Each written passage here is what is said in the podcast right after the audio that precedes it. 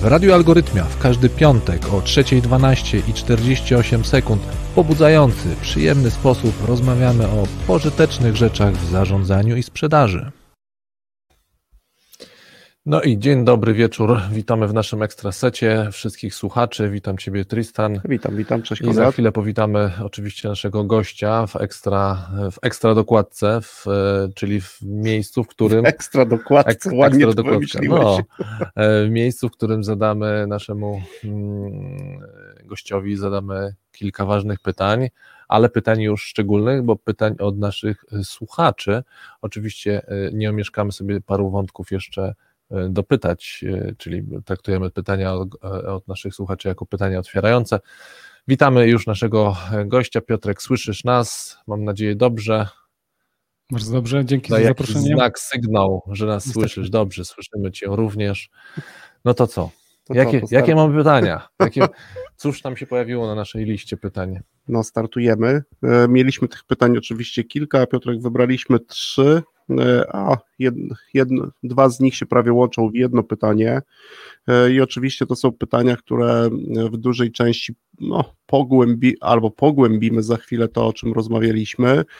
E, I pierwsze pytanie jest związane o dziwo, może nie o dziwo, bo dość jest to pytanie o praktyczny przykład, nawet hipotetyczny, niekoniecznie od razu z rzeczywistości E, o zdanie, które padło w naszej audycji, które ty Piotrek powiedziałeś, że strategia maksymalizująca może doprowadzić do fetyszyzacji jakichś narzędzi w organizacji i jedna z osób, jeden z naszych słuchaczy pyta o jakiś przykład, nawet czysto hipotetyczny, który mógłbyś sobie wyobrazić. Pewnie.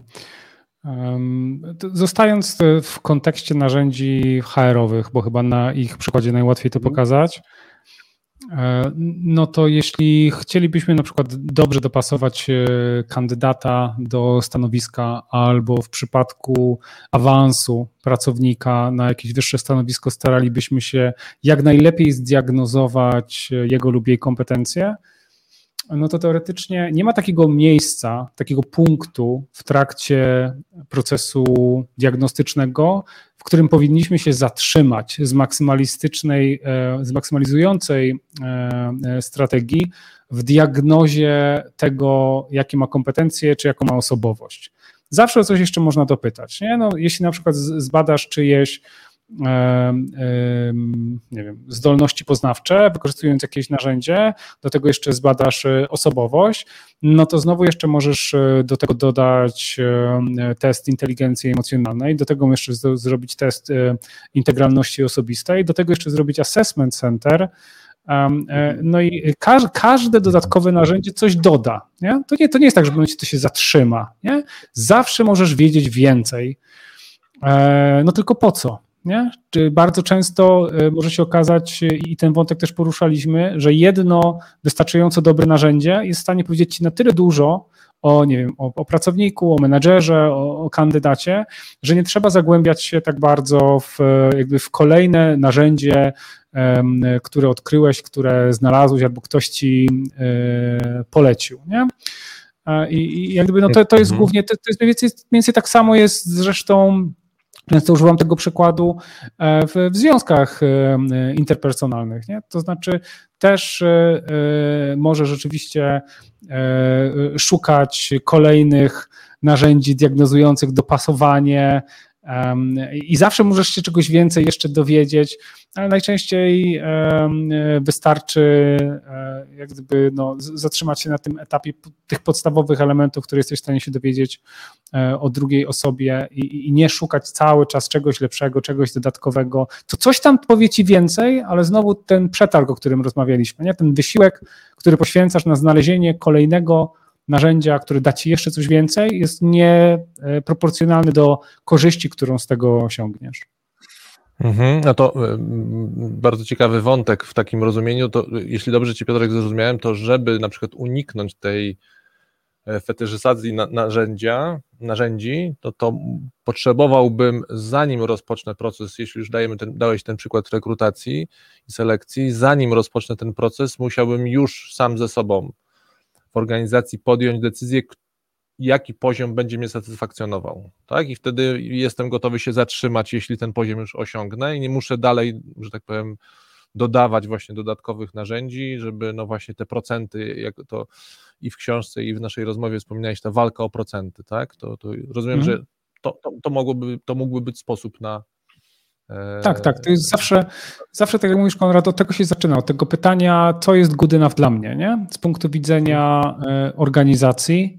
E, czyli wiesz, no, to, to, to jest zawsze ten problem, żeby nie mierzyć za dużo, ale też nie mierzyć za mało. To jest dosyć delikatna równowaga, no bo są na przykład y, po drugiej stronie też fetyszyści, e, którzy uważają, e, że w ogóle good enough jest test zdolności poznawczych. Nie? To znaczy nie ma sensu mhm. tak naprawdę badać nic innego, bo mhm. mówimy o teście, który ma największą moc przewidywania efektywności pracownika, szczególnie w kontekście złożonych prac menedżerskich, analitycznych. Mhm.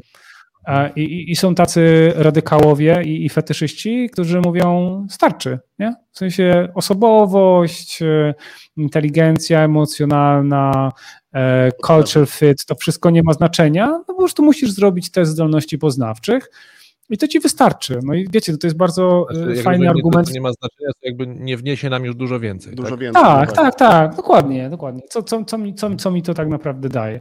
To jest zbyt radykalne moim zdaniem stanowisko, no bo ono y, koncentruje się na jednym obszarze efektywności pracownika, menedżera, lidera, czyli na tak zwanej mhm. efektywności zadaniowej. Czyli to jest to wszystko, co się znajduje w opisie stanowiska, wszystkie rzeczy, które są właśnie związane z tym outcome'em, um, który zazwyczaj mierzymy i ignoruje y, efektywność kontekstualną, czyli to jest ta efektywność, która jest związana powiedzmy z kwestiami interpersonalnymi, kulturowymi, no i tam już takie zmienne właśnie jak integralność osobista czy osobowość mają znaczenie. Ignorując to, po prostu zwiększamy ryzyko podejmowania złych decyzji w kontekście organizacyjnym, czyli możesz zatrudnić kogoś, kto jest bardzo dobry w tym, co robi, dobrego informatyka, dobrego organizatora, który jednocześnie będzie tworzył konflikty interpersonalne, co nie wyjdzie bezpośrednio po miarze indywidualnej efektywności, ale później się rozleje na całą organizację.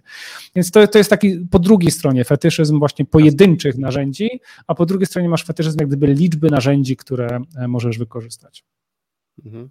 Mhm. Czyli tutaj, jeżeli e, dobrze rozumiem, no to musielibyśmy wrócić, a tym samym zachęcimy słuchaczy do pierwszej e, audycji, czyli wrócić do sałatki jarzynowej, do standaryzacji, o której troszkę rozmawialiśmy tak. i to, co teraz e, prowadzicie tutaj dialog, no tak jak my ostatnio też Konrad rozmawialiśmy, mamy jakieś dziewięć znaczących dla nas chociażby, nie wiem, zachowań, e, na których nam zależy mhm. w kontekście pracy konkretnej osoby czy konkretnych osób e, w rekrutacji i zaczynam od tego, że ustalam, że cztery są takie must have, które mają wysokie chociażby wartości procentowe i dobieram przede wszystkim narzędzie, za pomocą których będę mógł sprawdzić, czy te cztery faktycznie, znaczy czy osoba na przykład. Czy to, czy to oczekiwane chce... minimum właśnie, tak. czyli ten jak ja to nazywam, próg wejścia. Próg tak? wejścia. Próg wejścia, próg wejścia czy jest zrealizowany. Tak, mhm. czy jesteśmy w stanie sprawdzić chociażby za pomocą testu mhm. zdolności poznawczych, czy osoba tego typu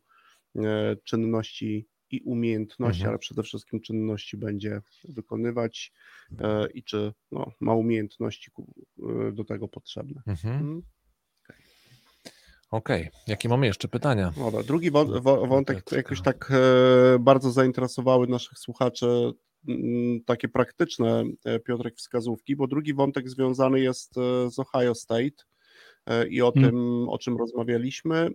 I jeden z naszych słuchaczy zapytał tutaj dokładnie, no, wspominaliśmy o tym, że lider odpowiedzialny, czyli ten dobry lider odpowiedzialny jest za budowanie infrastruktury tak, czy pewnej kultury, w której to wszystko się e, odbywa. A później wspominaliśmy, e, i też Ty wspominałeś o trosce, tak, o ludzi, z którymi też pracuję.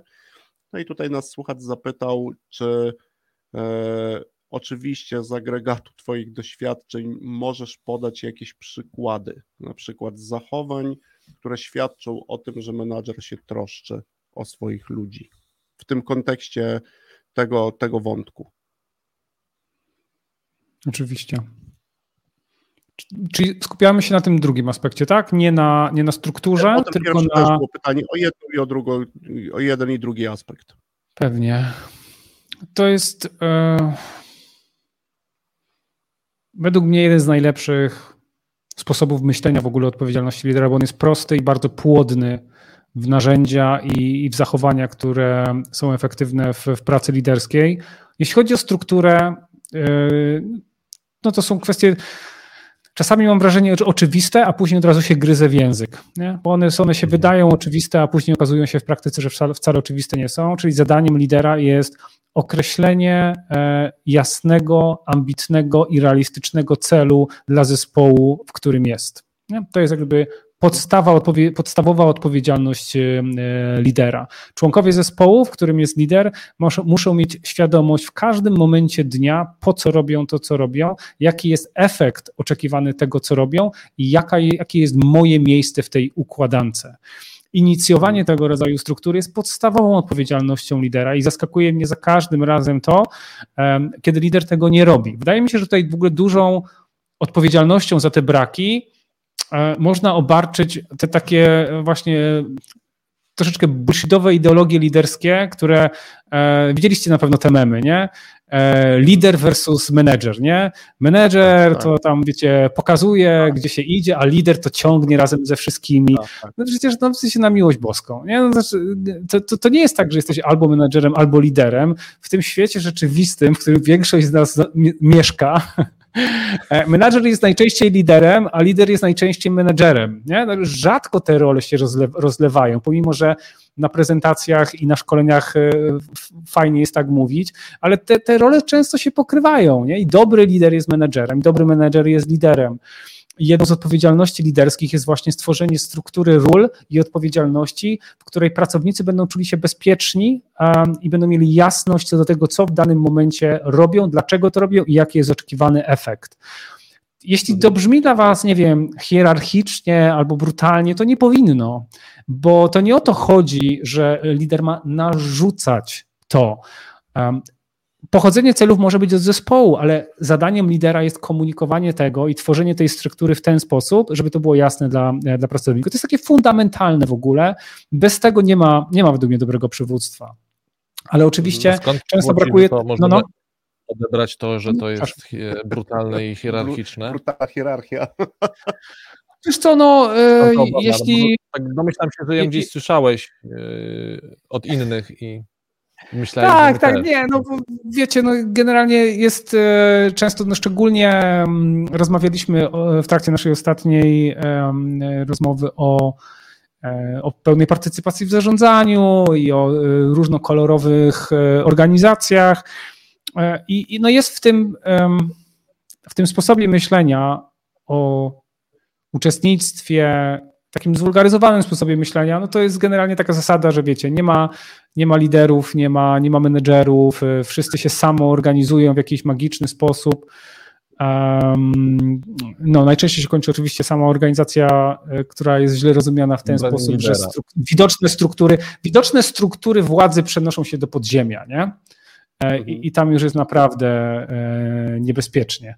Stąd moje jakby rzeczywiście oparte okay. o wiele interakcji założenie, że to może być odebrane zbyt brutalnie.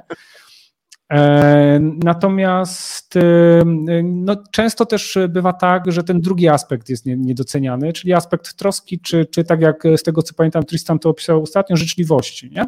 życzliwości. E, czyli, tak, czyli takiego nakierowania na dobro drugiej osoby. Mhm.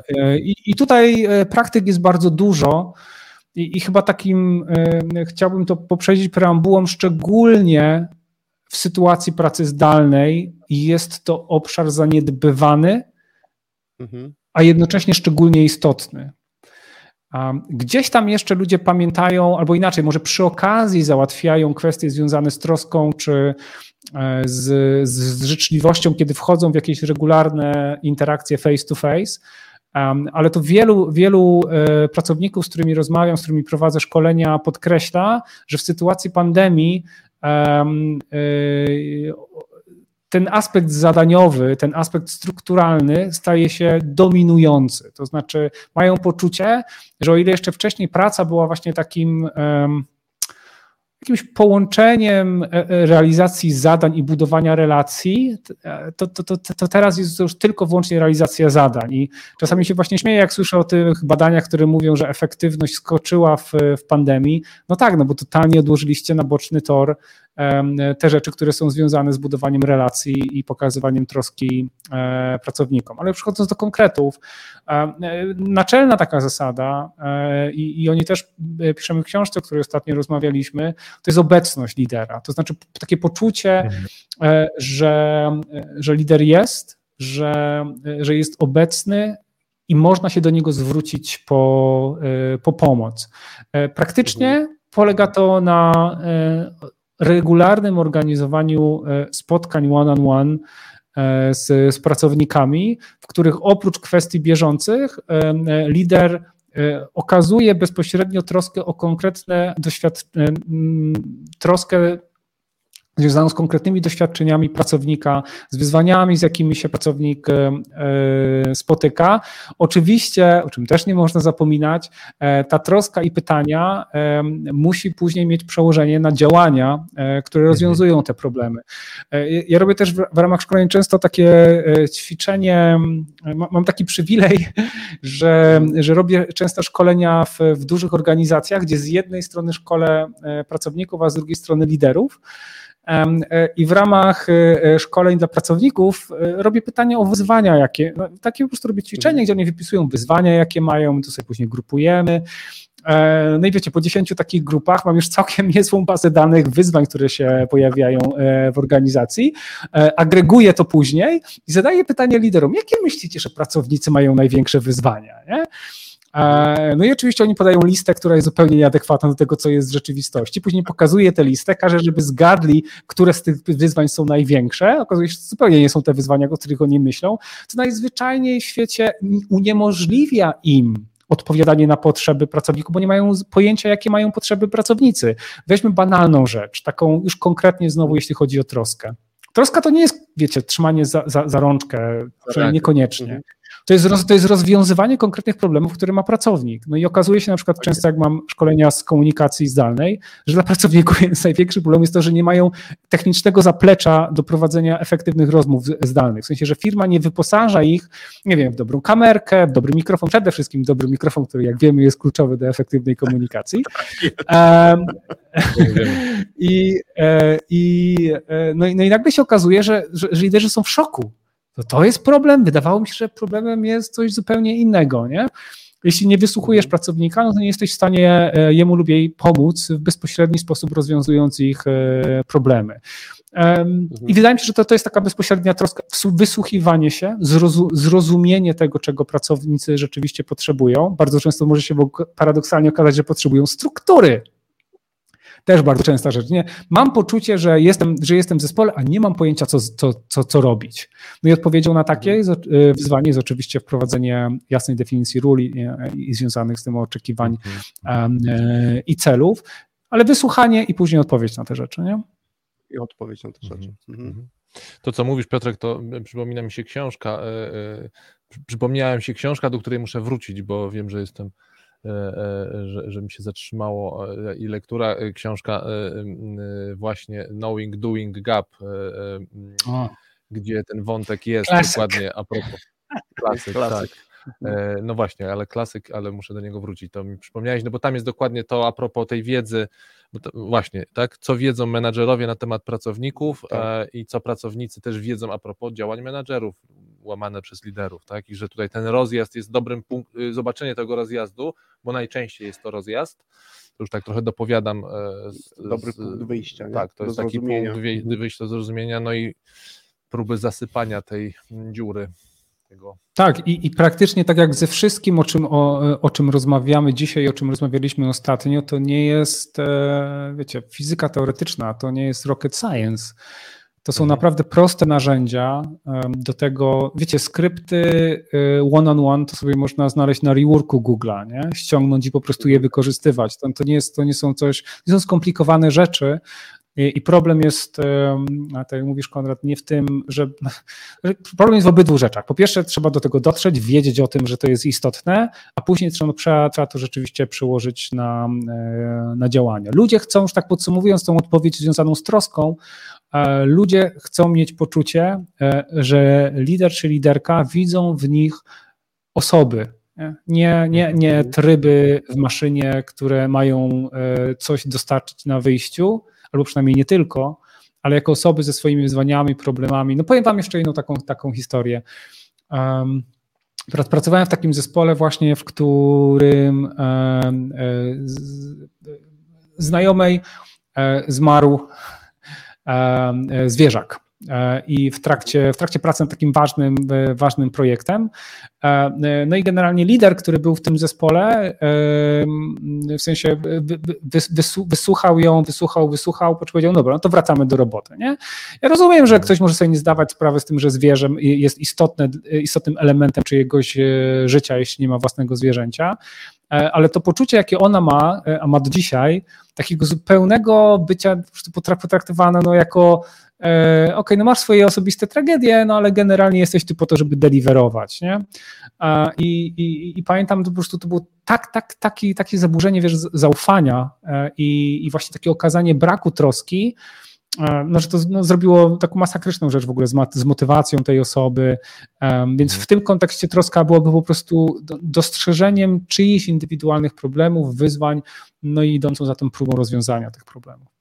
Mhm tego, co mówisz, Piotrek, mhm. jest taka jedna rzecz niepokojąca. E, oczywiście nie w tym, co mówisz, ale od razu mam pewne spostrzeżenia też e, z firm, z którymi mieliśmy już gdzieś okazję pracować. Mam gdzieś pokutuję chyba i też w każdym możliwym momencie należałoby to skonfrontować z tym, co ty powiedziałeś, Piotrek, ale pokutuję, że lider to wyższy, to wyższy stopień rozwoju menadżera.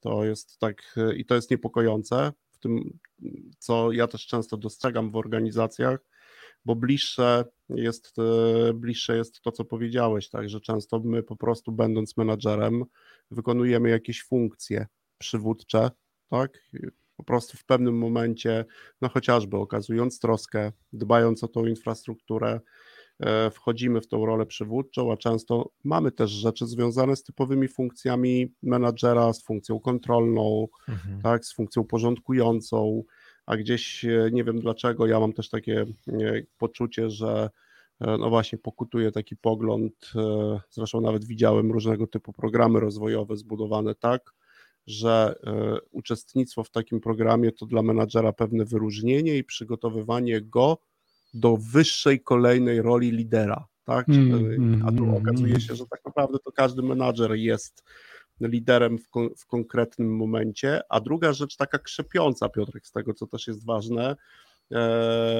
i o tym, co tutaj też powiedziałeś, już przenosząc no właśnie, dbałość o troskę na bardzo konkretne zachowanie. Uśmiechnę się, popatrzę na Konrada, bo dosłownie dwa czy trzy dni temu e, mm, kończyliśmy, operacjonalizowaliśmy, operacjonalizowaliśmy wyniki pewnej pracy z jednym z menadżerem, z menadżerów i nie zgadniesz, jakie zachowanie poleciliśmy, polecił mu Konrad do wykonywania jako pierwsze cotygodniowe one-on-one ze swoimi pracownikami w sytuacji, w której tu jesteśmy, nie?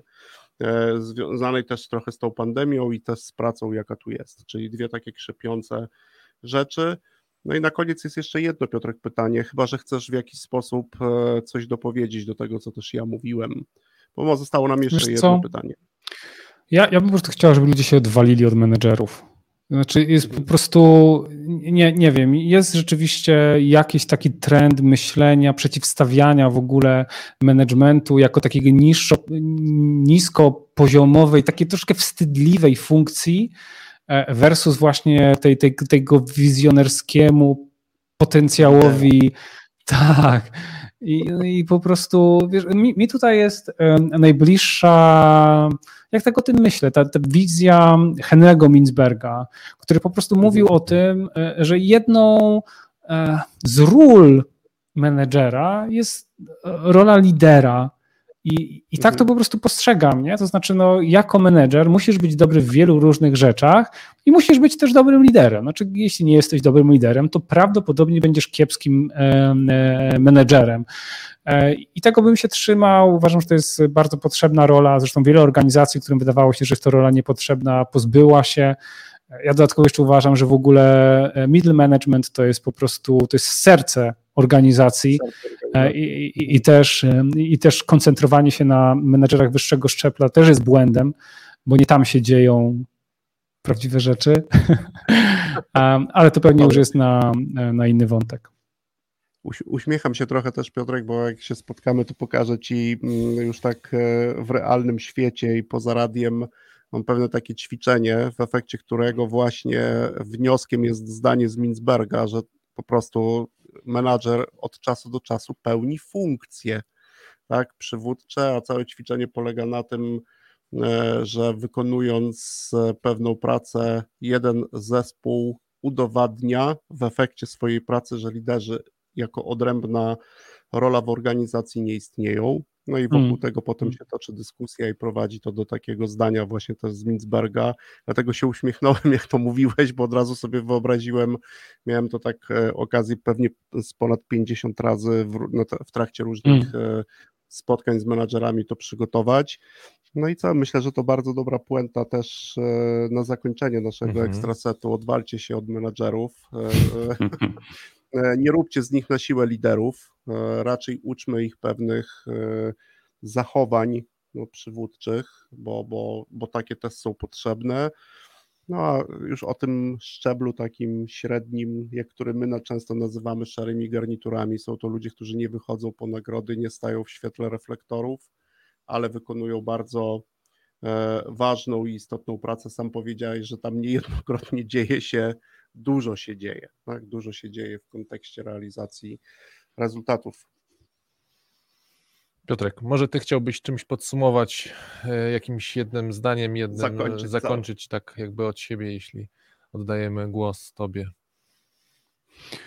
E, ja e, chciałbym po prostu zrobić taką klamrę, która uwzględniałaby to, o czym rozmawialiśmy ostatnio, czyli że e, bardzo często najskuteczniejszymi narzędziami, najskuteczniejszymi zachowaniami i najskuteczniejszymi podejściami do rozwiązywania problemów menedżerskich e, są te najprostsze, e, są te, które są z nami już długie, długie lata i bardzo często to nie jest problem tego, że nie wiem, że trudno je znaleźć, tylko że szukamy nie, te, nie tych rzeczy, których powinniśmy. Że powinniśmy skupić się na tym, co rzeczywiście działa, co może nie jest seksowne, ale jest e, efektywne, że tak jak czasami mówię, to, co jest nie tyle efektowne, co po prostu efektywne.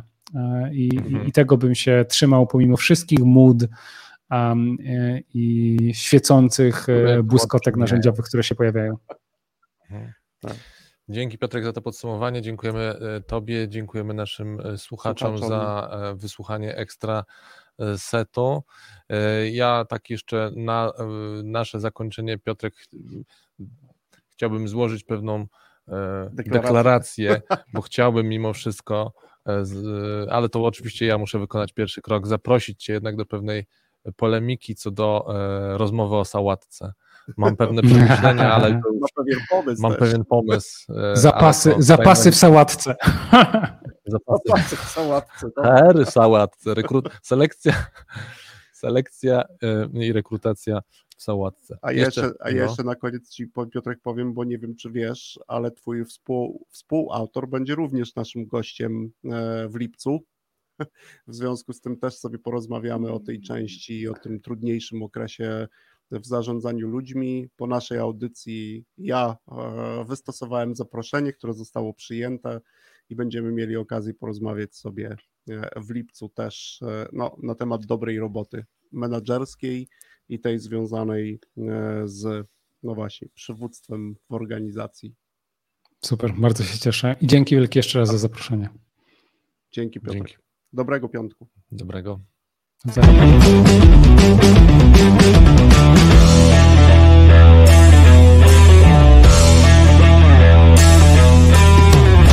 W Radiu Algorytmia w każdy piątek o 3.12 i 48 sekund pobudzający, przyjemny sposób rozmawiamy o pożytecznych rzeczach w zarządzaniu i sprzedaży.